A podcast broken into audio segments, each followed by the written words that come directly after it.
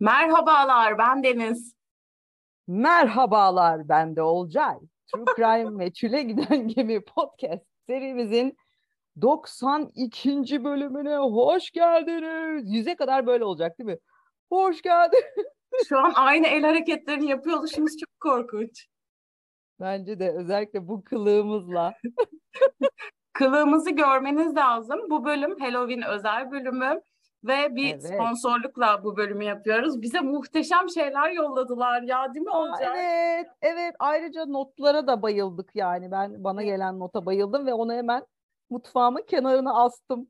Ya çok tatlılar. Ya sürekli bu bölüm taşlarımı değiştirmek istiyorum. Şu an bir tane şapkam var. Evet, evet. Ben de ben de yapacağım. Ayrıca balon da şişirebilirim her an. Dikkatimi dağıtma. Sponsorumuzu anlatmak ister misin? Evet efendim, sevgili Helios balondan bize muhteşem e, Cadılar Bayramı süsleri geldi. Şapkalarımız, taçlarımız ve bilimum başka aksesuarımızla bu e, yayını yapıyoruz şu anda, bu bölümü çekiyoruz. E, çok çok teşekkür ederiz bir kere. E, bu bölümümüzde böylece sponsorlu e, çıkmış olduk. Tabii bu e, büyük bir onurdur efendim. Çok teşekkürler. Senin eklemek istediğin bir şey var mı? Ya yok çok sevindim. Özellikle yani Halloween olması da beni çok mutlu etti. Çünkü Evet. Ol, Olcay da ben de ayrı ayrı şey yaptık. Ee, organizasyonlar yaptık. O kızına ben yeğenime. Evet, evet ve çok çok eğlenceli ve çok güzel partiler oldu. Ee, tam da böyle Halloween'e uygun bu bölüme de çok güzel denk geldi. Çok teşekkür ederiz tekrar. Ee, biz de o yüzden bu bölümü böyle sunacağız. Belki arada birkaç fotoğraf ve videoda sizinle paylaşırız. Bizim Ay, muhteşem evet. kılıklarımızı görmenizi isteriz çünkü. Gerçekten şey. e, aa fotoğraf çekelim. Fot- Neyse biz Evet, evet, fotoğraf evet. çeker paylaşırız. Çekelim fotoğrafımızı. Ee, hatta şöyle ben bir tanesini de başlatıyorum efendim çekerek. Neyse efendim bu bölüm Halloween özel bölümümüz. Geçen seneki bölümü de e, pek bir beğenmiştiniz. Elbette normaldeki seyrimizden biraz daha e, şey olacak. Ne diyelim korkutucu, ürkütücü.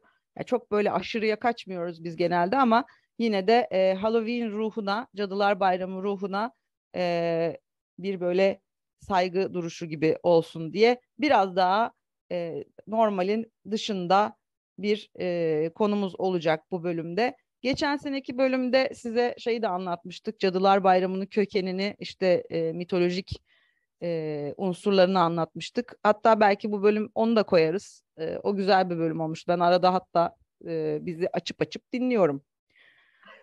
Evet. Ee, bu bölümde size e, 92. bölümümüzde size e, üç farklı yerden bahsedeceğiz. Sizi üç farklı yere götüreceğiz. Dünyanın dört bir tarafından yerler bunlar. Süper ürkütücü. e, benim asla ayak basmayacağım yerler ama öncesinde şu geçen iki haftayı bir konuşalım. Deniz'le en son iki hafta önce biz kayıt almıştık.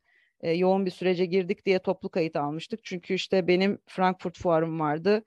Onun e, Antalya var, Ankara var. Ankara'ya gitmedin galiba. Yok Ee, Ankara'ya gitmedik. Antalya fuarına gittim. Ee, İzmir'e gidiyorum bir iki güne de. Evet İzmir'e gelecek kendisi ama ben görebilir miyim onu bile bilmiyorum. Çünkü aşırı yoğun geçiyor onun günleri. E, ben de size şeyi sözünü vermiştim Frankfurt'a gitmişken Trübach'ın öldürüldüğü yeri belki görürüm diye. Fakat yani inanılmaz yoğundu. E, ben bir de şey e, unutmuşum tabii pandemide iki sene ya da üç sene hiç yapılmadı Frankfurt fuarı. E, moti- şey motivasyonsuz diyorum şey formsuz girdim fuara. E, dolayısıyla şey e, çok yoruldum ve açıkçası pek de vakit kalmadı. Ama Frankfurt'un her yeri bir anasını satayım. Bence her yerinde cinayet işlenebilir. Tuhaf bir yer. Ee, ve ge- ya geçtiğimiz senelere göre daha da şey buldum orayı. Yani daha pis ve daha atıl bırakılmıştı sanki. Ee, yani garipti böyle pek iyi hislerle geri dönmedim oraya dair. Sen bize Gerçekten fuarlarını anla. Evet evet ya yani böyle biraz daha karam ya Frankfurt zaten çok karamsar bir şehir de ya ben severim karamsarlığı. E, ama orası böyle daha böyle endüstriyel karamsarlıkla dolu bir şehir. Fakat bu sefer böyle ya ne bileyim homeless sayısı çok artmıştı. Evsizler çok fazla işte ya sağda solda bayağı uyuşturucu ya kullanan tipler var. E, ya te- daha tehlikeli geldi. Hiç öyle güvensiz hissetmemiştim mesela Frankfurt'ta kendim daha önce. Ama bu sefer biraz hissettim. Ama bir şey söyleyeceğim. Daha önce e, True Crime Podcast'i yapmıyordun. Acaba son yıllarda öğrendiğimiz şeylerden Hmm. sonra Frankfurt biraz daha hmm, şey olmuş olabilir mi senin için? Ne bileyim. e, Olabilir, Korkunç, olabilir. korkutucu. Belki de belki de etkisi olabilir yani ama genel olarak insanların söyledikleri de şeydi. Ee, yani böyle bir bir o taç değiştirdi. Çok güzel oldu. Biraz daha yukarı kaldır da o gül cemalini göreyim. Beni mi yoksa şu böcekleri mi? Böcekleri tabii ki. Dur az önce fotoğraf çekmedim ben. Çekeceğim Aa, deyip çekemedim. Sen O zaman dur tekrar değiştiriyorum. tamam. Lütfen. Biraz sizi bekletiyoruz. Biz burada atraksiyonlar Kusura bakmayın ama fotoğraf derdine düştük. evet, çok güzel oldu. Sizlerle de paylaşacağız. Ee, evet bir o vardı. Senin Antalyan vardı. Var mıydı ekstra garip olaylar? Olmaz Heyecan mı? verici Ama burada anlatamam. Bize bize sürprizlerin var galiba Antalya'dan. Seni Sevil Antalya'dan. Atasoy'la birlikte gördük. Aa nereden gördün? Kameralara yakalandınız. evet True Crime'dan paylaştığım için olabilir mi? Bize bir sürprizin mi var Sayın Kaptanım? Yani olabilir tabii neden olmasın. Yakın zamanda e, bilgilendirme yaparız bir şey olursa tabii ki. E, hadi bakalım. Çok heyecanla bekliyoruz. Ama Bana başka da bir sürprizim var. Muhtemelen hiç Evet. ilginizi çekmeyecek. Lütfen alalım. Daha önce söylemiştim ya biz bir tane e, yeni podcast, ben bir tane yeni podcast'a Aa, evet evet başlıyorum diye. evet evet. Evet evet ona başladım. Ee, Doğan Çocuk yayınlarından e, bir podcast yapıyorum. Şey sanki dışarıdan bir yermiş. Çalıştığım yayın evine bir tane podcast yapıyorum. Danışmanlık yapıyorum. Arkadaşım Kitap isminde Eda Albayrak ilk konuğumuzdu. İnanılmaz eğlenceli bir bölüm oldu. E, çocuğunuz falan varsa böyle işte çocuk kitaplarıyla ilgileniyorsanız dinleyin. Ama asıl Olcay'da da şahane haberler var. Ay evet ama önce seni biraz öveceğim. Çünkü bence Türk insanı yeterince övülmüyor ya. Bizi bizden başka kim övsün arkadaşım? Yani ben e, ilk dinleyicilerinden biriyim galiba o podcast'in. Arkadaşım kitabın. E, Eda Albayrak'ı da çok severim zaten. Hem kitaplarını da çok severim. Kendisini de uzaktan tanıdığım kadarıyla çok keyifli, eğlenceli biri. E, müthiş olmuş. Ellerine sağlık. Siz de arkadaşlar dinleyin. Yani özellikle tabii yani ilgi alanı olan işte dediği gibi Deniz'in e, çocuklar ve çocuk kitaplarına e, ilgisi olan varsa e, dinlesinler. Çok da bence şey e, yani eğitici de bir yandan aslında ebeveyne e, birçok şeyi anlatan bir yayın olmuş. Ellerine sağlık efendim. Ay teşekkür ederim. sevgili Eda Albayrak'ın da tabii ki e, ağzına sağlık. Vallahi ben iple çekiyorum bir sonraki bölümü. Hatta e, Robin'in okuluna da gönderdim. Bunu lütfen velilerinize dinletin. Ya harikasın ya. Evet. Ee, onu ben, bende ne var? Bende işte yeni çıkan e, çeviriler var.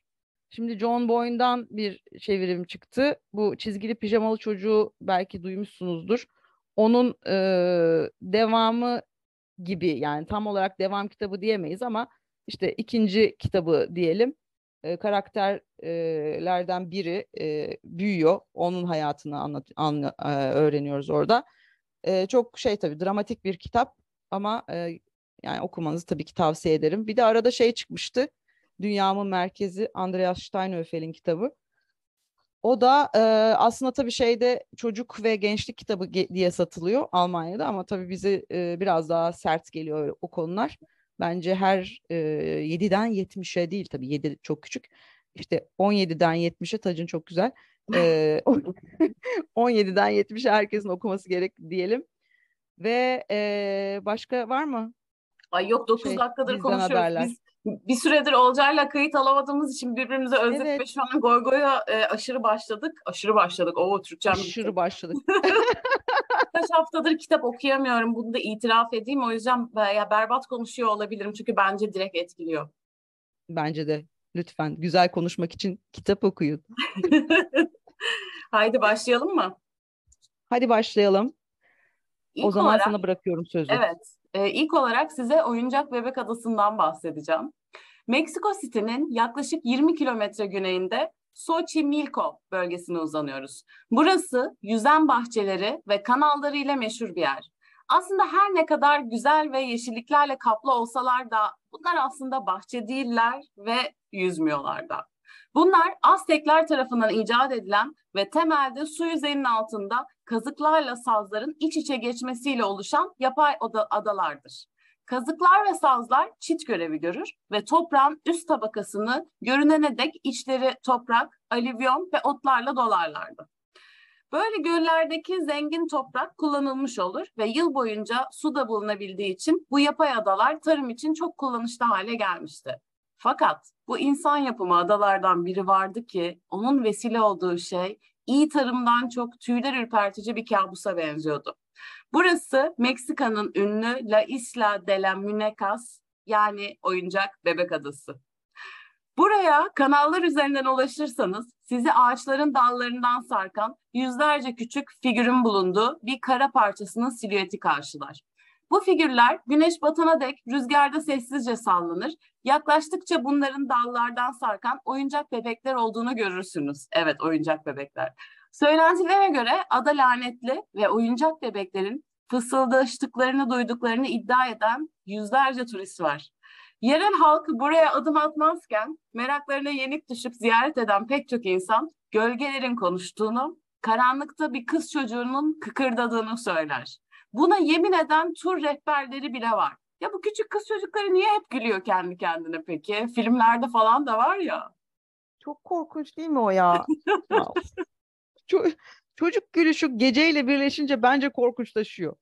Evet, evet sanırım öyle. Ben de Devam böyle edin. nur inmiş gibi oldum yüzüme ekranda.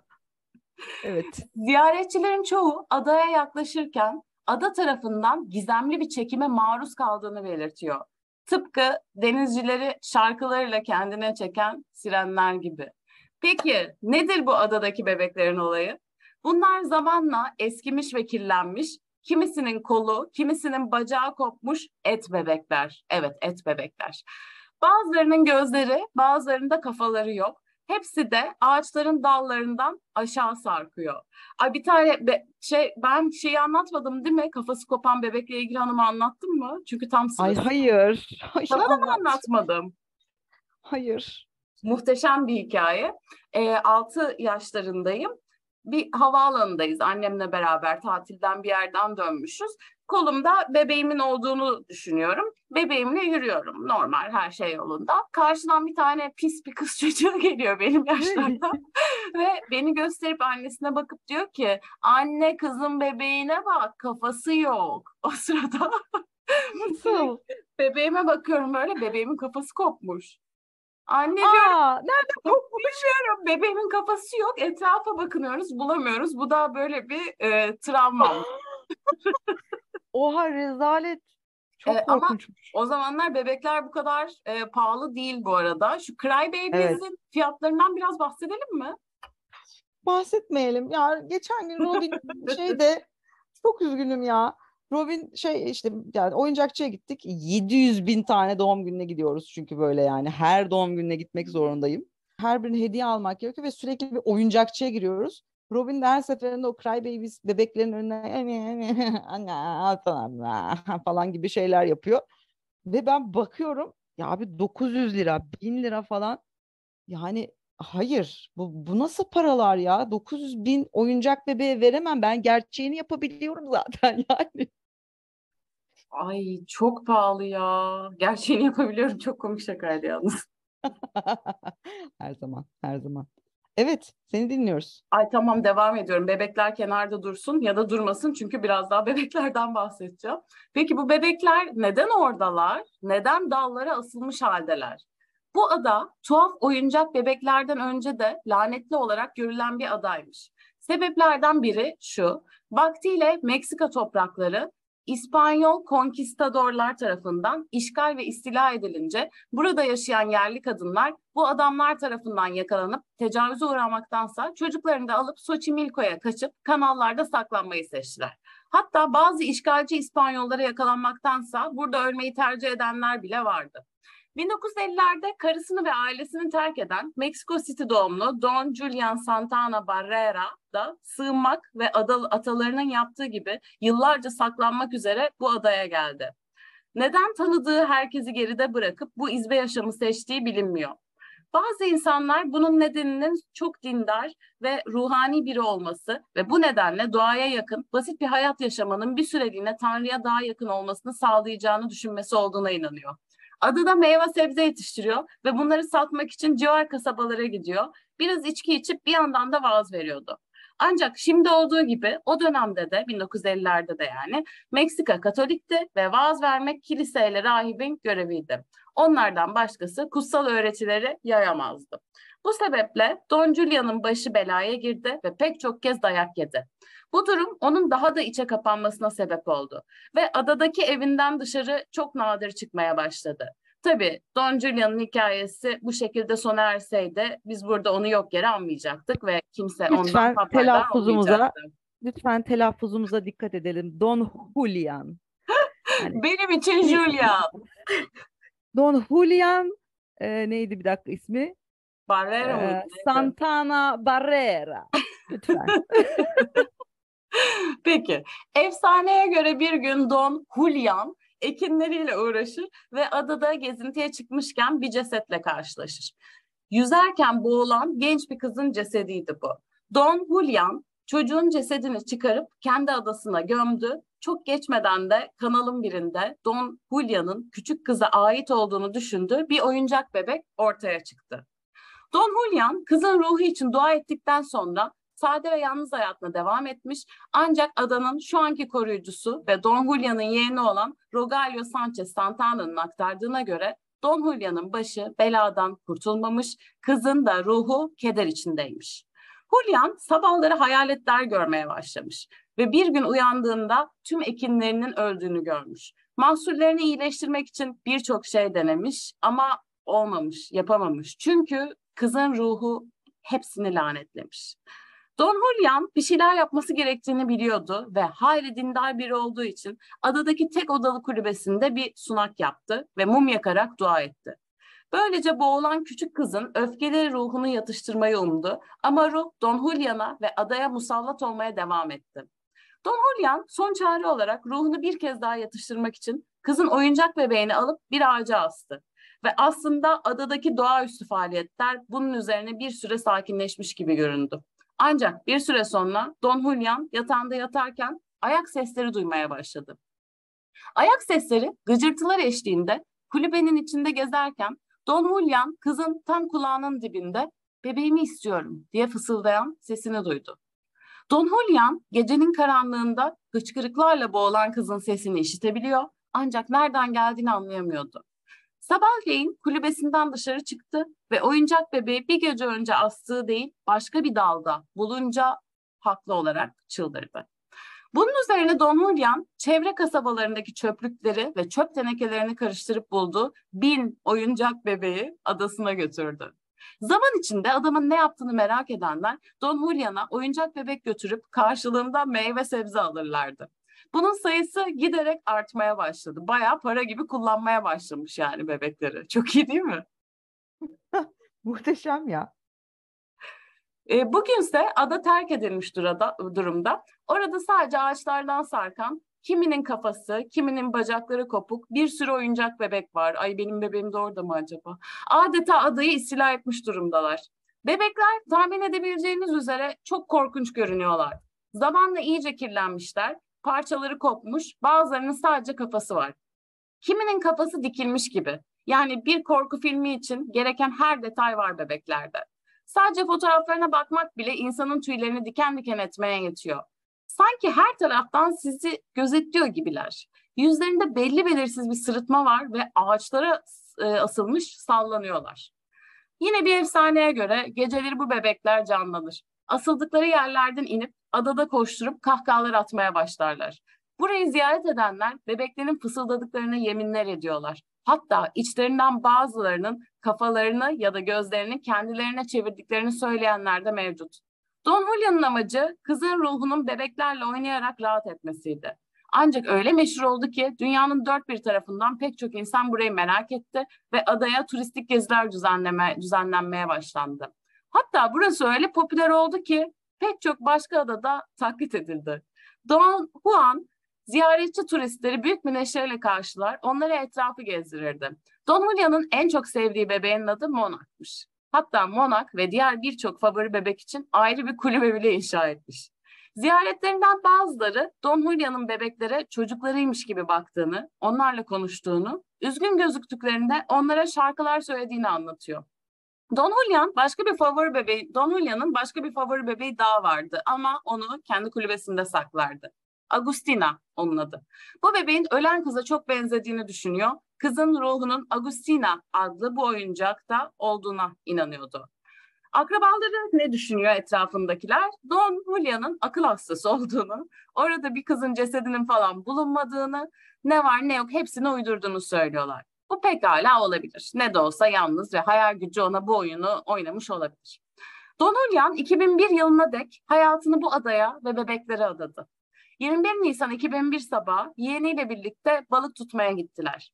Yeğeni bir saatliğine adamı yalnız bıraktı. Geri döndüğünde 80 yaşındaki amcasını kanal suyunda yüzüstü yatarken buldu. Söylenenlere göre tam da o kızı buldu, bulduğunu söylediği yerde boğulmuştu.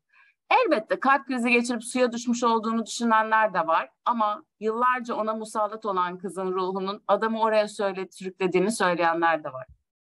Peki ne oldu sonra? Don Julian öldükten sonra yeğeni adaya bakmaya başlıyor ve e, 2019'da Rogelio Sanchez Santana adayı yani yeğeni e, adayı devralıyor ve bakımını yapıyor. Arada bir gidip yenilemesi gereken bebekleri yeniliyor. E, tabii ki bu adada yaşamıyor. Ne diyorsun? Ya inanılmaz bir ada. Fotoğraflarına bakınca ben zaten böyle birkaç fotoğrafa bakabildim ve hemen kapattım. Yani benim için korkutucu her öğe var orada ya. Bebek var zaten. Oyuncak bebek bence çok korkutucu bir yer. Küçükken oynarken bile bebeklerimi odanın dışına koyardım yattığımda. Hiç sevmem. Et bebek hiç sevmem. Oyuncak bebek hiç sevmem. Yani çok korkutucular bence. Hele böyle işte ya tabii ki öyle bir adaya bin tane oyuncak bebek asarsan onlar fısıldaşır abi. Yani onlar kahkaha da atar, fısıldaşır da ne olursa olur orada yani. Sence doğruluk payı yüzde kaç? Ha, bilmiyorum ya olabilir. Ya, yüzde bir verelim. ben. Fifty fifty'yim ben. Peki buraya gitmek ister misin? Asla gitmem. Şaka yapıyorsun. Sen ben gidersin. Sen gidersin ben hemen. giderim. Tacımla giderim. O taçlar. Tacını bir göster de bir fotoğraf çekeyim dur. Yine dinleyicilerimiz biraz beklesinler. Sen hemen gidersin ya. Uf, Neyse sen gidersin bana anlatırsın. Oradan kafa bile alırsın sen kendi kafası kopmuş bebeğine kafa takmak için. Belki bebeğim orada ya. Ben çok şey bebeğimi bulmaya gideceğim. Bu bölümün bir anlamı vardı. Hadi bize başka bir şey anlat. O zaman ben de sizi Japonya'ya götüreceğim. Nagoro köyündeyiz. Ee, gerçi bir Japonya'daki herhangi bir yerin korkunç olmak için böyle bir efsanevi olmasına gerek yok diye düşünüyorum. Yani Japonların olduğu herhangi bir yer korkunç olabilir bence e, dört büyük adadan birine Shikoku'ya uzanıyoruz. Bu diğer adalar arasında en az nüfusa sahip ve en küçük olan ada. 1950'ler ve 60'larda epey bir faaliyet vardı burada. Yollar, barajlar falan inşa ediliyordu. Bu inşaatlar bitince pek çok kişi bu adadan ayrıldı. Çünkü barajlar suyu köyden uzaklaştırmıştı bu e, köyün olduğu yerden, adadaki köyün olduğu yerden, Nagoro köyünden. Kalanlar en fazla 300, 300 kişiydi ve meyve sebze yetiştirebilmek için kendi kuyularını açmaya çalıştılar. Ancak zamanla kalanlar da burayı terk etmeye başladılar. Ocak 2015'te bu bölgede yaşayan sadece 35 kişi vardı. 2016 yılının Ağustos ayında 30'a ve hemen sonrasında da 27'ye geriledi. Nagoro köyünde 30 yıldır tek bir çocuk bile doğmadı. Köyde çalışan bir dükkan bile yok. En yakın market ya da sağlık ocağı en az bir buçuk saat mesafede. Ancak olur da yolunuz buraya düşerse tuhaf bir şekilde az önce anlattıklarımın aksine buranın insanlarla dolu olduğunu göreceksiniz. Evlerinin bahçeleriyle ilgilenen kadınlar, etrafta dolaşan çocuklar, sigara içen işçiler, otobüsün gelmesini beklerken bir bankta oturmuş duran iki yaşlı adam. Köye yaklaştıkça bir tuhaflık olduğunu fark edersiniz. Çünkü bu insanların hiçbiri bir gıdım bile hareket etmiyordur ve yeterince yaklaşırsanız bunların insan değil, insan boyutunda bebekler olduğunu anlarsınız. Bu bebeklerin çoğunun yaratıcısı Ayano adındaki bir kadın. Buradan sonrasını onun sözleriyle anlatalım. Burada büyüdüm ama ortaokuldayken ailemle birlikte Osaka'ya gitmek için ayrıldım. Orada kaldım, evlendim ve çocuk sahibi oldum. Bir noktada ailem buraya geri taşındı ve sonra annem vefat edince babama bakmak için geri döndüm. Bu 2002 yılında oldu. İlk Kakashi'yi yani korkuluğu kuşları korkutup kaçırmak için yaptım. Şuradaki tarlanın tohumlarını yediklerini fark ettim ve bu yüzden onları uzaklaştırmak istedim. Bu amaçla birkaç tane daha yaptım. Sonra yolun yukarısındaki komşumuz vefat edince onu özledim. Her gün konuşurduk. Ben de bu sefer ona benzeyen bir korkuluk yaptım. Böylece her sabah onu selamlamaya devam edebilecektim. Zamanla köylülerden daha fazlası vefat etti. Onları hatırlamak ve bir şekilde onları canlı tutmak için korkuluklar yapmaya devam ettim.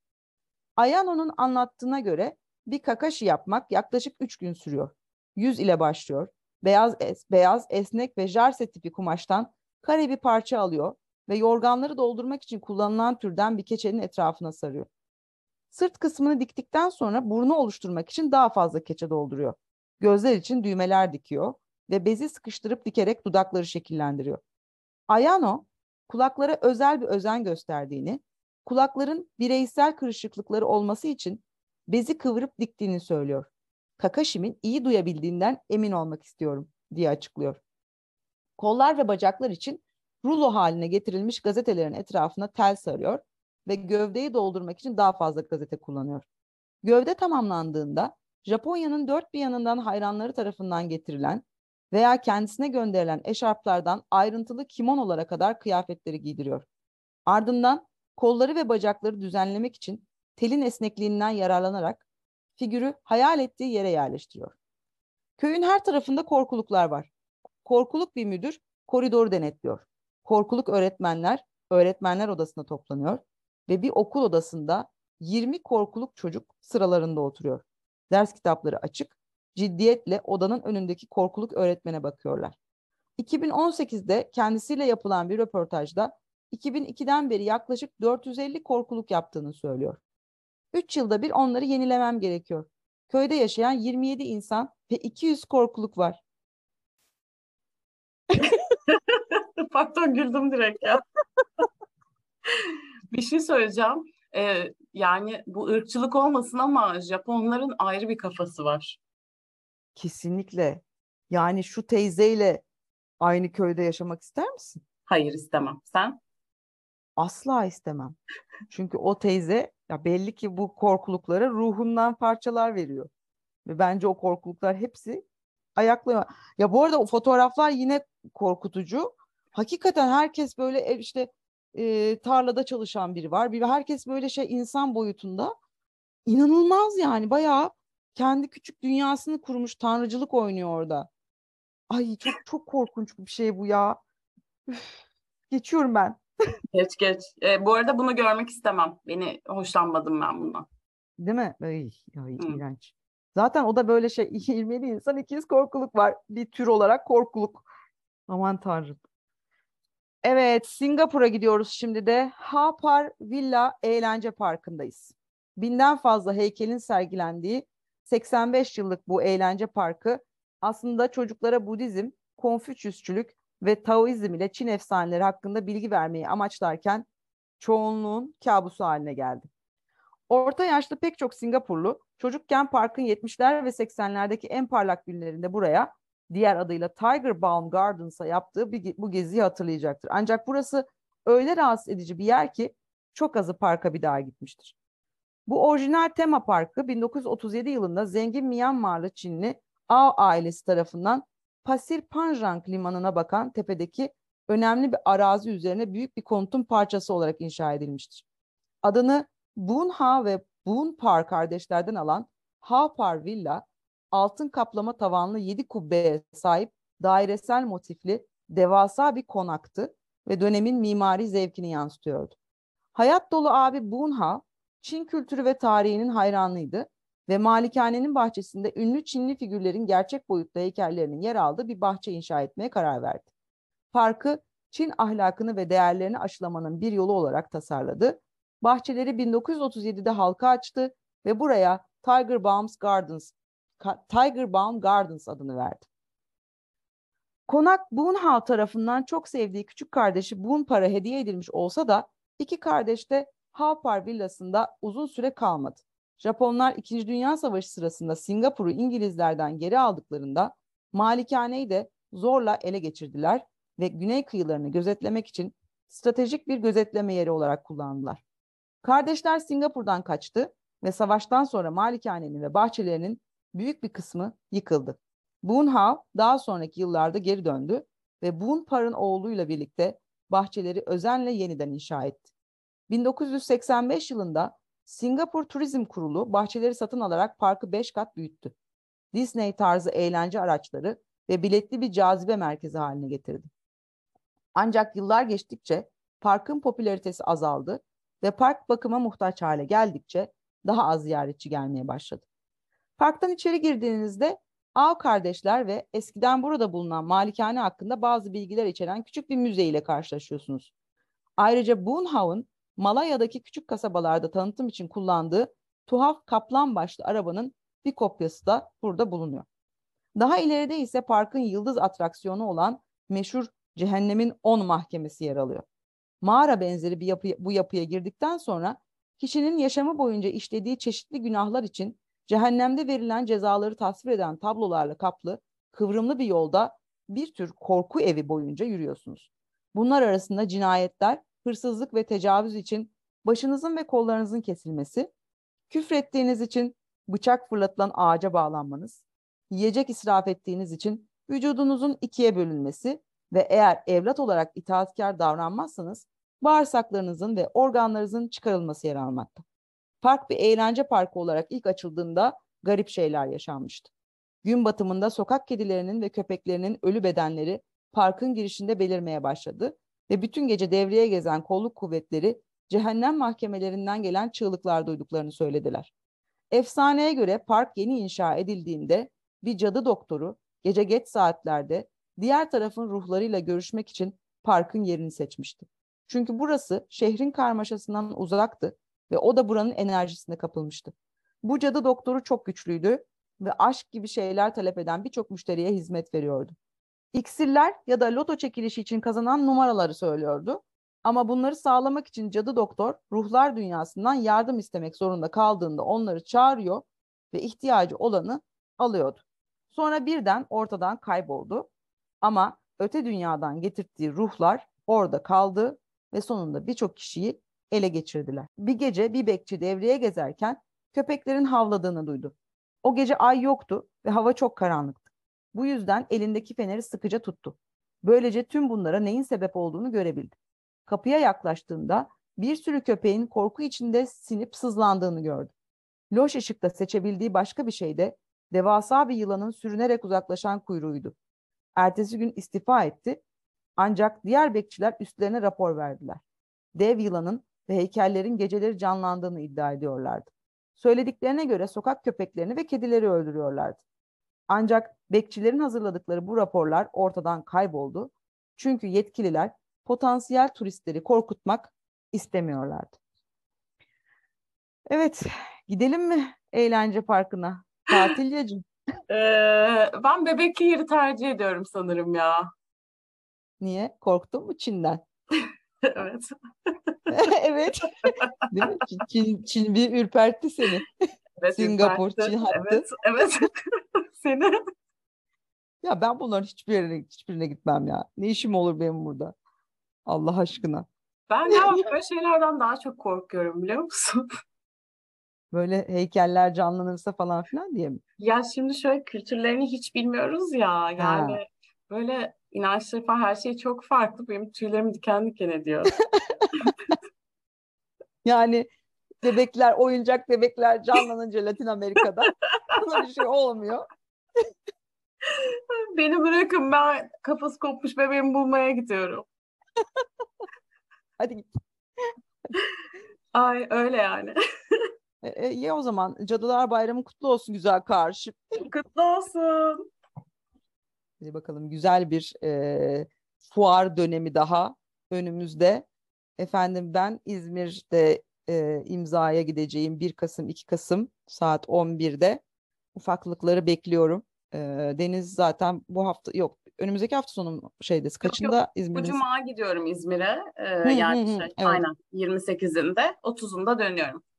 İyi hadi bakalım. İnş görüşürüz karşım. Ay umarım. Haydi görüşmek üzere. Yor Aa, yorumlarınızı bekliyoruz. Hangisinden en çok korktunuz? Zaten yazarız Instagram'dan da. Ne düşünüyorsunuz yazın bize. Evet. Görüşmek üzere. Hoşça kalın. Hoşçakalın. Bay bay.